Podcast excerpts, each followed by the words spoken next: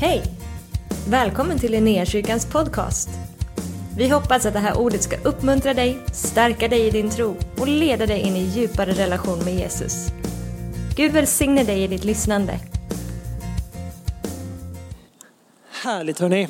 Vi eh, har pratat en hel del om kyrkoåret de eh, sista veckorna här. Eh, och är man i Linnéakyrkan över tid så märker man att det är ungefär två gånger som vi pratar om kyrkoåret. Det är liksom uppfarten eh, liksom till jul och det är kring påsk, Kristi himmelfärd och pingstdagen. För kyrkoåret har liksom som en återkommande rullians, ett tema liksom för varje söndag. Och just nu är vi i den här perioden. Vi har gått igenom påsk när vi har fått påminna oss själva, vi har fått prata och vi har fått liksom, ja, men, eh, på något sätt ta del på nytt av Jesu död. Men framförallt hans uppståndelse. Att Jesus lever idag, att han sitter på faderns högra sida, att han regerar i makt och härlighet.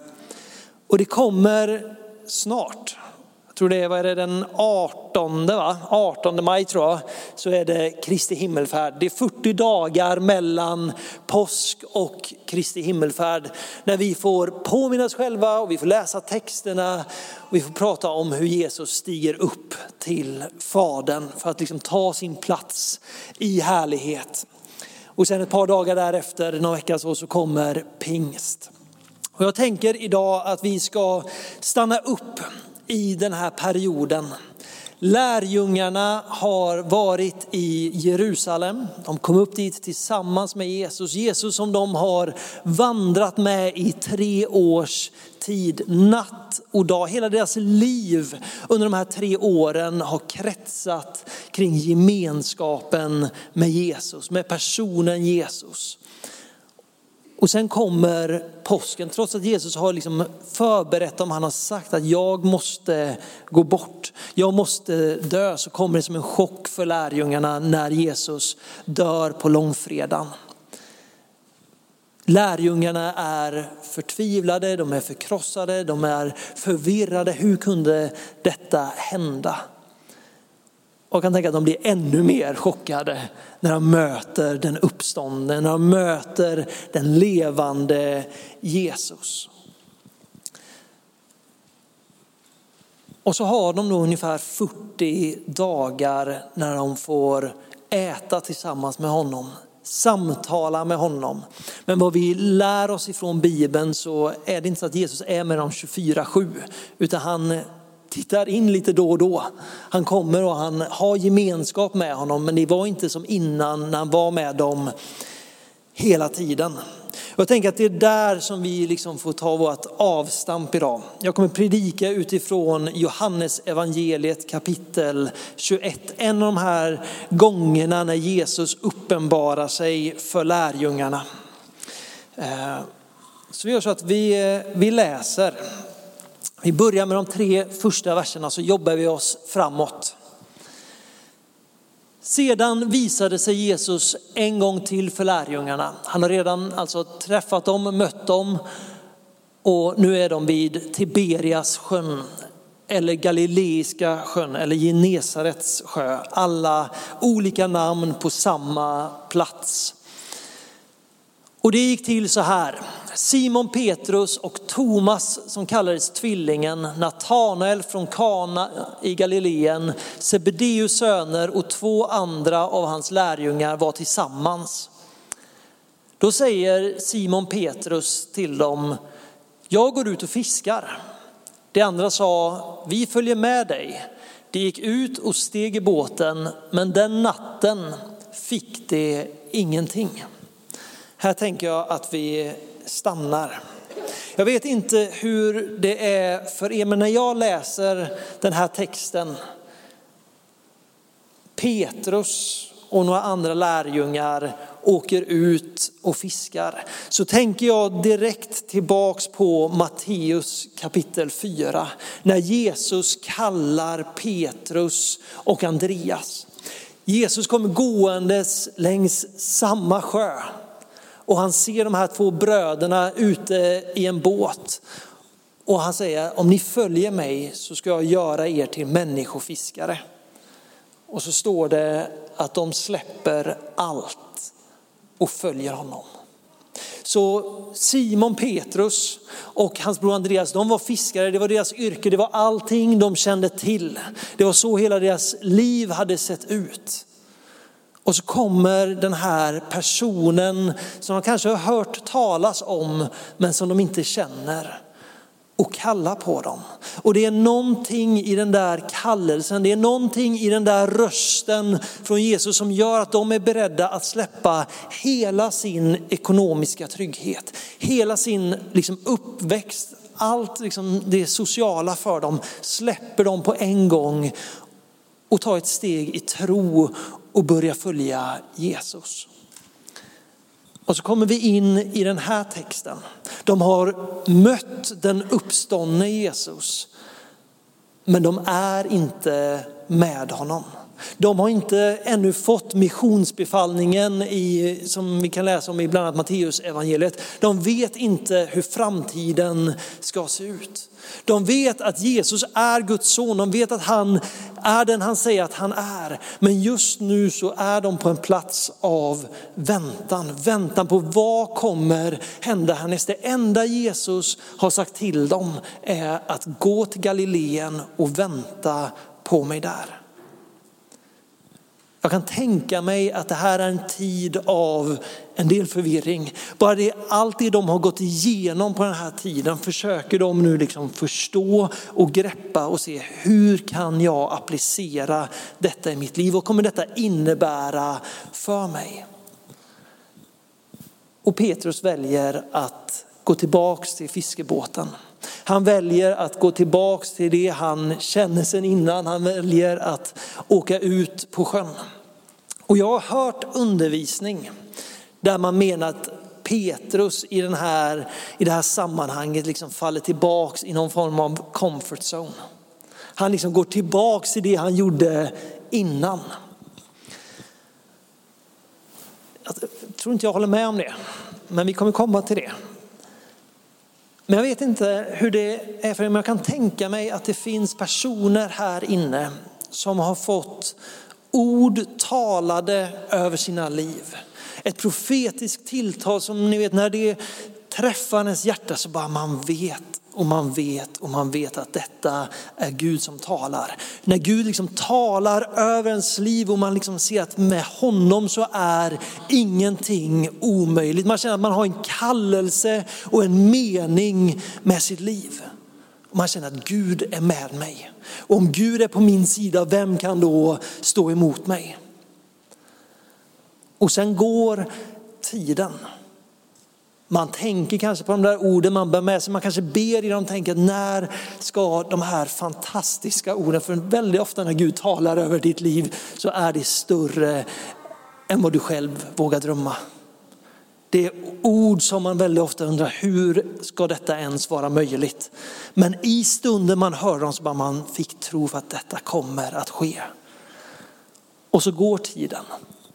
Man kanske arbetar, man kommer in i en vardagslunk eller man studerar och det blir liksom vardag med tiden det också. Man kanske är på en plats där man är sjukskriven eller arbetssökande och man tänker tillbaks på de där orden och så kanske man tänker att undra om jag är Petrus.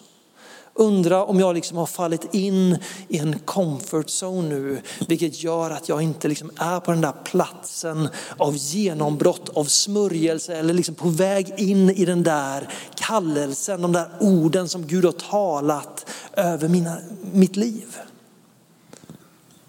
Jag vet inte om det är någon som känner igen mig. Jag kollar ut över det här och det, mm. Jag har varit där. Jag har fått ord talade över mig som när någon har talat ut eller när Gud har sagt det till mig så bara vet att det är sant. Det kommer gå i uppfyllelse. Och sen helt plötsligt är man på en plats där man bara, vart är det där i mitt liv? Är det så här mitt liv ska se ut när jag har de där löftena ifrån Gud? Jag vet att jag hade en period i mitt liv på nästan sex år Där Gud säsong för säsong, termin för termin gjorde det supertydligt vad nästa steg var. Jag tog studenten och jag hade redan ett ord ifrån Gud om att jag skulle gå en specifik bibelskola. Och jag gick den bibelskolan och jag kände att jag växer som ledare och som person. Och under tiden jag är i den här bibelskolan så börjar Gud på men, liksom ett mirakulöst sätt att tala om att jag ska åka till Indien. Att jag ska åka ut med en organisation som heter UMU och det här, hela den här resan, hela det här förloppet är liksom bara fullt av vittnesbörd. Hur han öppnar dörrar, hur han sänder människor för att tala in i mitt liv. Så jag åker till Indien. Gud förvandlar mitt liv på så många områden. Kommer tillbaks till Sverige och tänker vad ska jag göra nu? Och ganska så direkt så kommer ett nytt tilltal om att vad jag ska studera. Men innan jag börjar studera så ska jag åka till England och göra ett år i församling där. Och jag bara tänker, ja, men vi testar detta, bara liksom slänger ut en fråga till en, eh, en församlingsledare i London som bara säger kom, vi betalar allting, bara kom. Så jag har ett år i London där jag ännu mer bara känner att jag liksom växer och att jag får ta emot nya ord och nya tilltal ifrån Gud. Jag kommer hem och jag börjar de här studierna som Gud hade talat om redan ett år i förväg. Och, och så tar man den här examen då. Och man bara så här, Gud har talat och lett mig så tydligt i sex års tid. Jag är i startgroparna, nu ska någonting nytt hända, jag är redo liksom. Och så kommer man ut där och så händer det ingenting. Inte det att Gud är tyst i andra områden av mitt liv, men det var inte den där tydliga ledningen som jag hade haft erfarenhet av under så lång tid. Det kom till den punkten att jag insåg att jag börjar få slut på pengar. Jag behöver hitta ett arbete bara för att kunna försörja mig själv. Ha mat på bordet, betala min hyra. Så jag hamnade på ett jobb. Och det blev ganska snabbt vardag. Lönen blev en trygghet. Och det var till en början ganska segt, ganska tråkigt. Och man börjar liksom fundera på, Gud allt det här som du har talat, så som du har lett mig tidigare, hur hamnade jag här?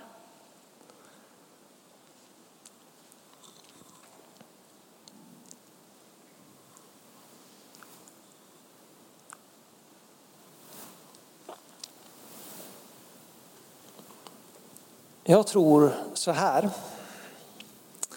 Jag tror inte att Petrus var i en comfort zone.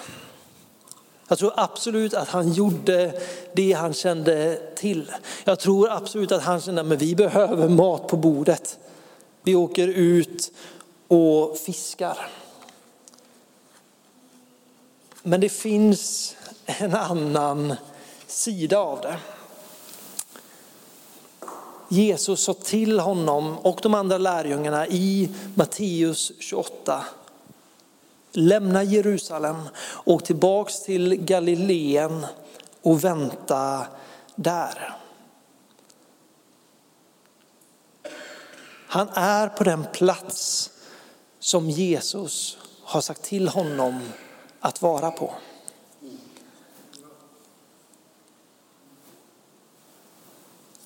Vi vet inte vilka tankar, vilka känslor det var som drev ut Petrus in i den här fiskebåten på nytt. Vi vet inte om det var för att det var en tid av osäkerhet som gjorde det. Vi vet inte, men troligtvis inte, så har Jesus aldrig sagt till honom, du får aldrig mer fiska. Det enda vi vet är att han nu är i den där båten. Så vi går vidare i texten från vers 4. Då står det så här. Tidigt, kom ihåg nu, de har inte fått någonting under hela natten. Så står det så här. Tidigt på morgonen stod Jesus på stranden, men lärjungarna visste inte att det var han. Jesus sa till dem, mina barn, har ni något att äta? De svarade nej. Han sa, kasta ut nätet på andra sidan om båten så ska ni få. De kastade ut nätet och nu orkade de inte längre dra upp det för all fisk. Vi ser inte att Jesus kommer och tillrättavisar Petrus. Han står inte på stranden och ropar Petrus varför har du gått tillbaks till fisket? Varför är du där ute? Utan det Jesus gör är att han kommer och han talar in i den situationen som Petrus befinner sig i. Och ni vet Petrus, han var professionell fiskare. Han hade gjort det här den absoluta majoriteten av sitt liv. De har varit ute hela natten, de hade inte fått någon fisk överhuvudtaget. Jag kan tänka, hade det varit jag där, om man helt plötsligt hör en röst från stranden som bara ropar ut dem till dem och säger släng i på andra sidan. Så hade jag tänkt att du är dum i huvudet. Vi har försökt det här hela natten. Det är liksom ingen skillnad på höger eller vänster sida. Men det finns någonting här som händer i Petrus och i de andra. När de hör den här rösten så agerar de. De vet ännu inte att det är Jesus.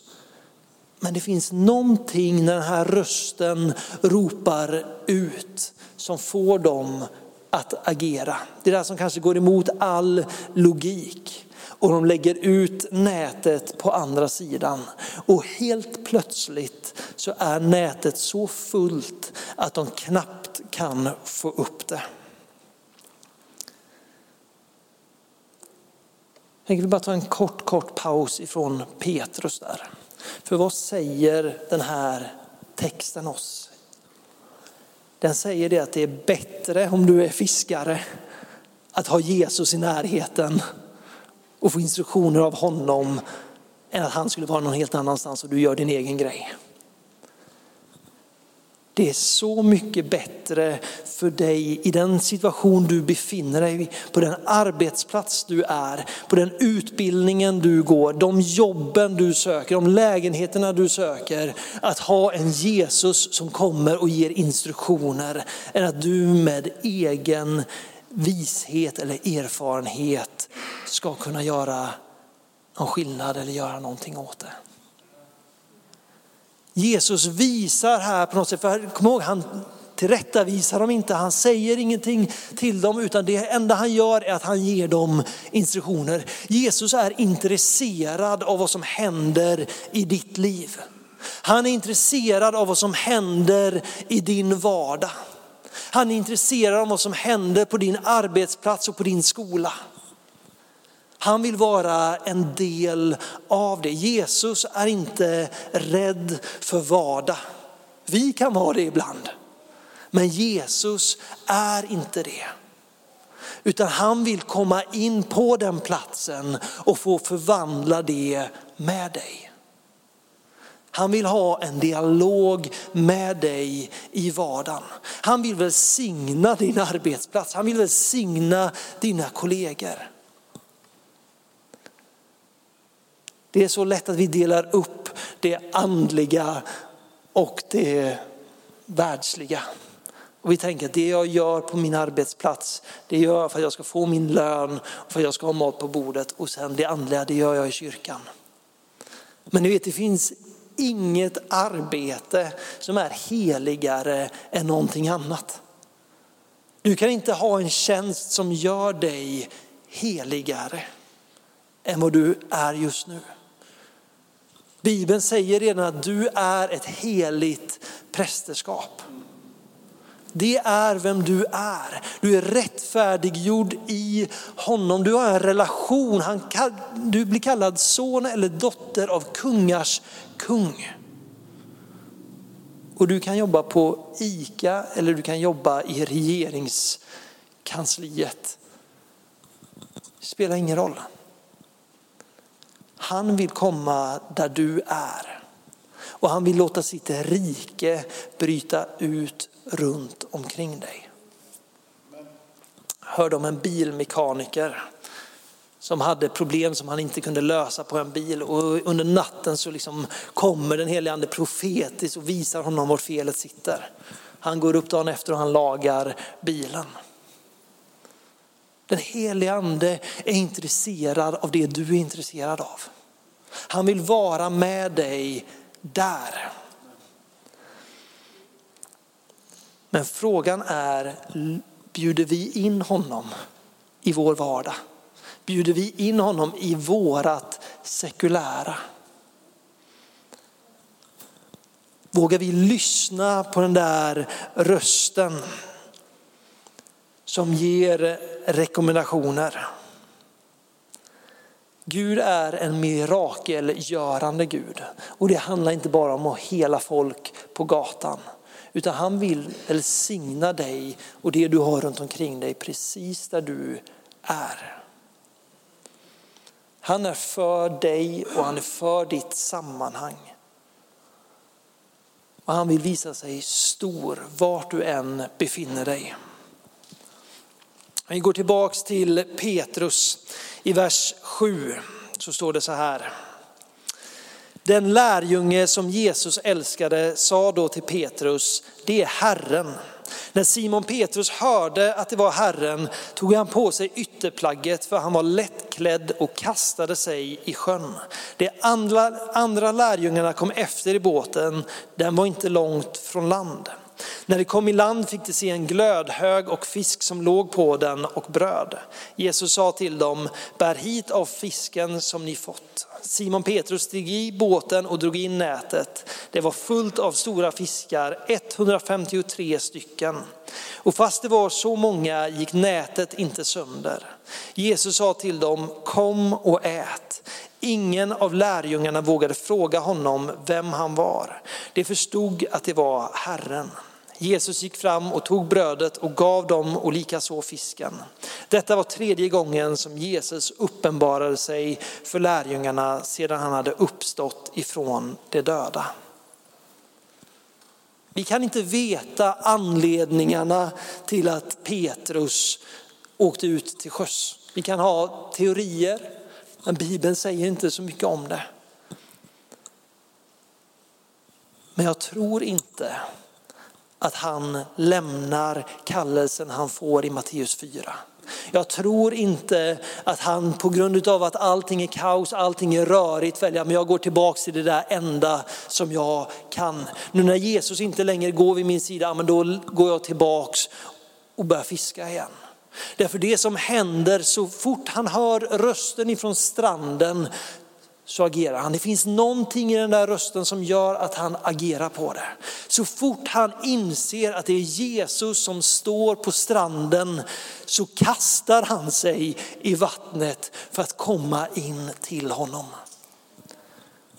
Det står till och med att de andra inte var långt ifrån land, men Petrus blir så desperat över att komma in till Jesus snabbt att han kastar sig i. Petrus hjärta är, eh, trots att han är ute och gör det som han kanske alltid har gjort tidigare, så är hans hjärta sökande efter Jesus. Hans hjärta längtar efter att få vara i Jesu närvaro och det är det enda som på något sätt är avgörande. Du kan göra vad du vill, du kan arbeta med vad du vill, du kan befinna dig i vilken säsong som helst. Men så länge ditt hjärta längtar efter Jesus. För så länge du är beredd att lyssna till honom, så länge du är beredd att sätta Jesus före det där arbetet eller den där vardagen. För vi kan hamna i en bekvämlighetszon där vi sätter arbetsgivare och lön och trygghet över Jesus och då är vi på farlig mark. Men så länge Jesus är våran första och främsta kärlek, så länge Jesus är våran prio ett, så kommer han att leda dig till platsen där de där orden som han har talat över ditt liv kommer gå i uppfyllelse. Så länge ditt hjärta hungrar efter honom så kan du befinna dig precis vart som helst. Men hans rike kommer ändå att breda ut sig där du går fram.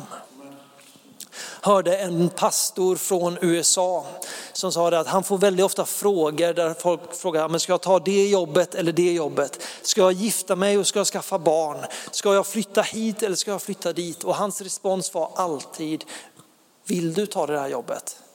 Ja, ja men ta då det jobbet. Predika evangelium, uppväck de döda, bota de sjuka, kasta ut de orena andarna. Vill du gifta dig? Ja men det tror jag. Gift dig då och sen predikar du evangelium, du kastar ut de orena andarna, du botar de sjuka och du väcker upp de döda. Du kan göra precis vad du vill i ditt liv så länge ditt hjärta tillhör Jesus. Så länge du är beredd att kasta dig ur båten och på nytt bara liksom lämna dig där för att få vara med honom så kommer hans vilja att ske i dig. Vi har en tendens till att liksom glorifiera, liksom, men i kyrkan till exempel, det är mycket heligare att vara pastor än att sopa gatorna på stan. Det är det inte. Det enda som betyder någonting är, är ditt hjärta överlåtet Jesus. Är du beredd att lämna allt för att följa honom? För då kommer han kunna ta dig till den där platsen när orden som har talats över dig går i uppfyllelse. Jag har varit kvar på det där jobbet som jag pratade om förut i tre och ett halvt år nu. Jag går fortfarande och väntar på det där nästa steget. När Gud ska öppna en ny dörr. Men det enda ord som jag får ifrån Herren när jag frågar honom, när jag söker honom är, du ska vara kvar där du är. Du ska vara kvar där du är. Och om jag, så länge jag är kvar där, där han säger åt mig att vara, då är det hans ansvar att låta min kallelse eller det han har talat över mitt liv gå i uppfyllelse. För du kommer aldrig kunna uppnå det som Gud har lagt över ditt liv i egen kraft. Du kommer aldrig kunna ställa dig på en plats, men nu är jag tillräckligt bra så nu händer det. Utan det handlar om att du är överlåten honom och när han kallar då responderar du. När han ger direktiv, ja men då följer du. Att vi är lyhörda som människor och vi har ett hjärta som är hängivet honom. Då finns det ingenting som kan stoppa den kallelse och det ord som han har talat över ditt liv. Men vi kommer ibland i de här perioderna när vi känner oss förvirrade. När vi undrar, var det bara det här det skulle bli? Men det kan vara så att han säger, det är på gång. Det är på gång. Stå fast, fortsätt. Jag läste en kommentar utifrån den här bibeltexten från en gammal, ja han är väl död sedan länge, Charles Spurgeon, 1600-tal tror jag. Eh,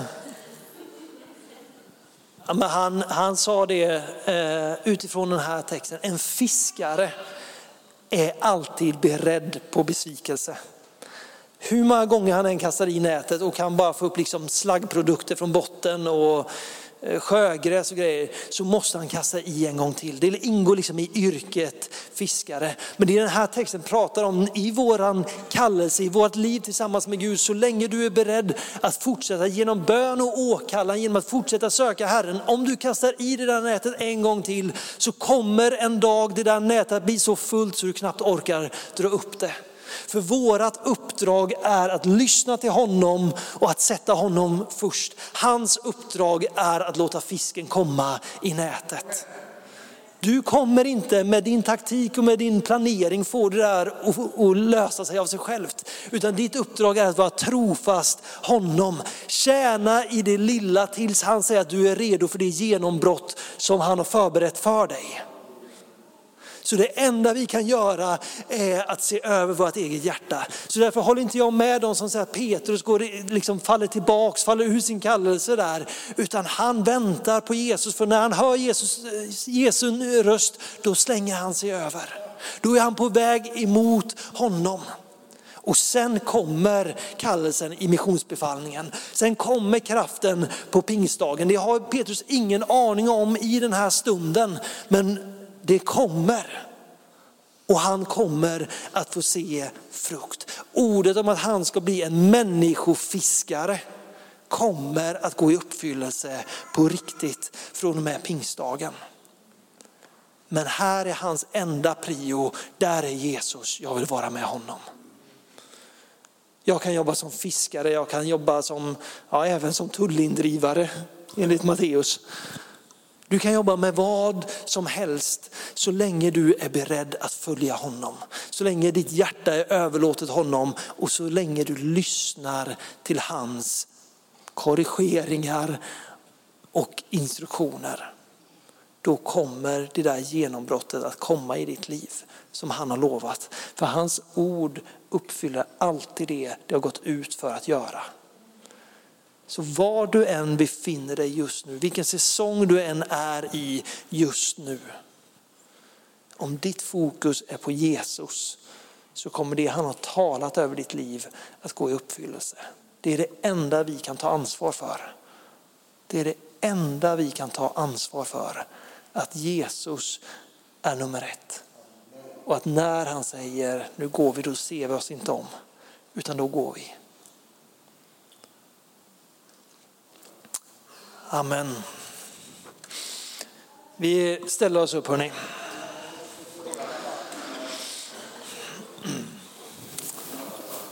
Låt oss be. Herre, jag tackar dig för att eh, ditt ord aldrig vänder fåfängt tillbaks utan det uppfyller det som det har satt ut för att göra, Herre. Så Herre, jag bara tackar dig för dina söner och döttrar här inne just nu, Herre. Jag tackar dig för de kallelser, jag tackar dig för de gåvor, jag tackar dig för de ord som har talats ut och ligger över människors liv, Herre. Jag tackar dig för att det är du som har lagt det, jag tackar dig för vad du har talat ut, Herre. Jag tackar dig för vad du kommer att infria. Och Herre, jag bara ber just nu att Herre, om det finns någon som ängsligt kollar sig höger och vänster, letar vart är Gud, så ber jag dig Herre att du just nu i den här stunden får uppenbara dig på nytt. I den här stunden här så får du möta oss på nytt Herre, så att du blir nummer ett i våra hjärtan. Så att du blir centrum i våra hjärtan. Så att vi kan vara nöjda med lite och vi kan vara nöjda med mycket så länge vi har dig Herre.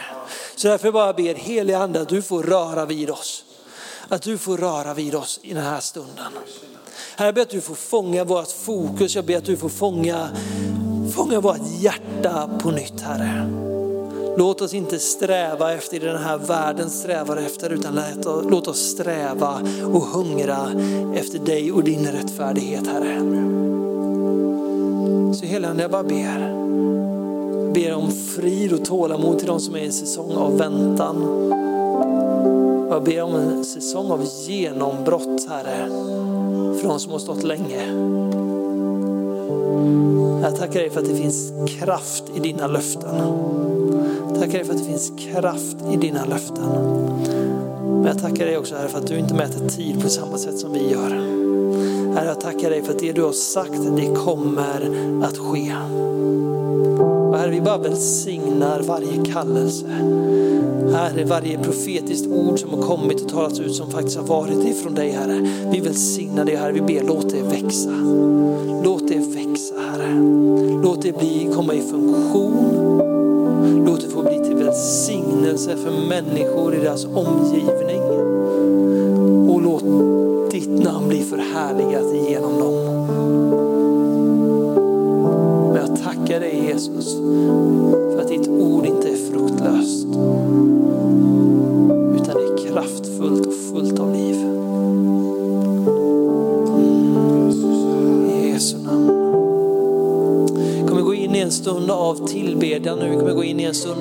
förbön. Men jag bara tror att om du finns här som har känt igen dig i det här som liksom undrar vart är Gud?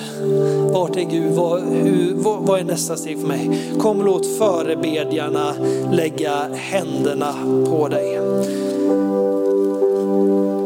Men bara säga det också, vi tror på Guds helande kraft. Vi tror att han hela, han har sagt det som ett uppdrag till sin församling. Lägg händerna på de sjuka. Så är du här och du har smärta eller sjukdom i din kropp, låt någon förbereda lägga händerna och be tillsammans med dig. För det enda vi gör är att vi ställer oss på hans ord. Inte på våra egna utan på hans ord. Men vi har nu en stund av tillbedjan och bön tillsammans så får Jakob leda oss vidare för att du har varit med oss. Hoppas du känner dig inspirerad av Guds ord och har fått nya perspektiv. Hör gärna av dig till oss och berätta om Gud har rört vid dig på något sätt. Vi är så glada att få höra vittnesbörd om vad Gud gör. Du kan mejla oss på adressen info och dit kan du även mejla om du har ett böneämne som du önskar att vi ber för. Eller om du har tagit emot Jesus och inte har någon bibel så vill vi mer än gärna skicka en bibel till dig. Skicka ett mejl med ditt namn och dina adressuppgifter till info.linneahuset.se så ser vi till att du får en. Om du vill ge en gåva till Linnéakyrkans arbete för att nå fler människor med evangelium så kan du swisha till 123 520 0993. Du kan också besöka oss på linneakyrkan.se för att få mer information. Välkommen tillbaka att lyssna snart igen.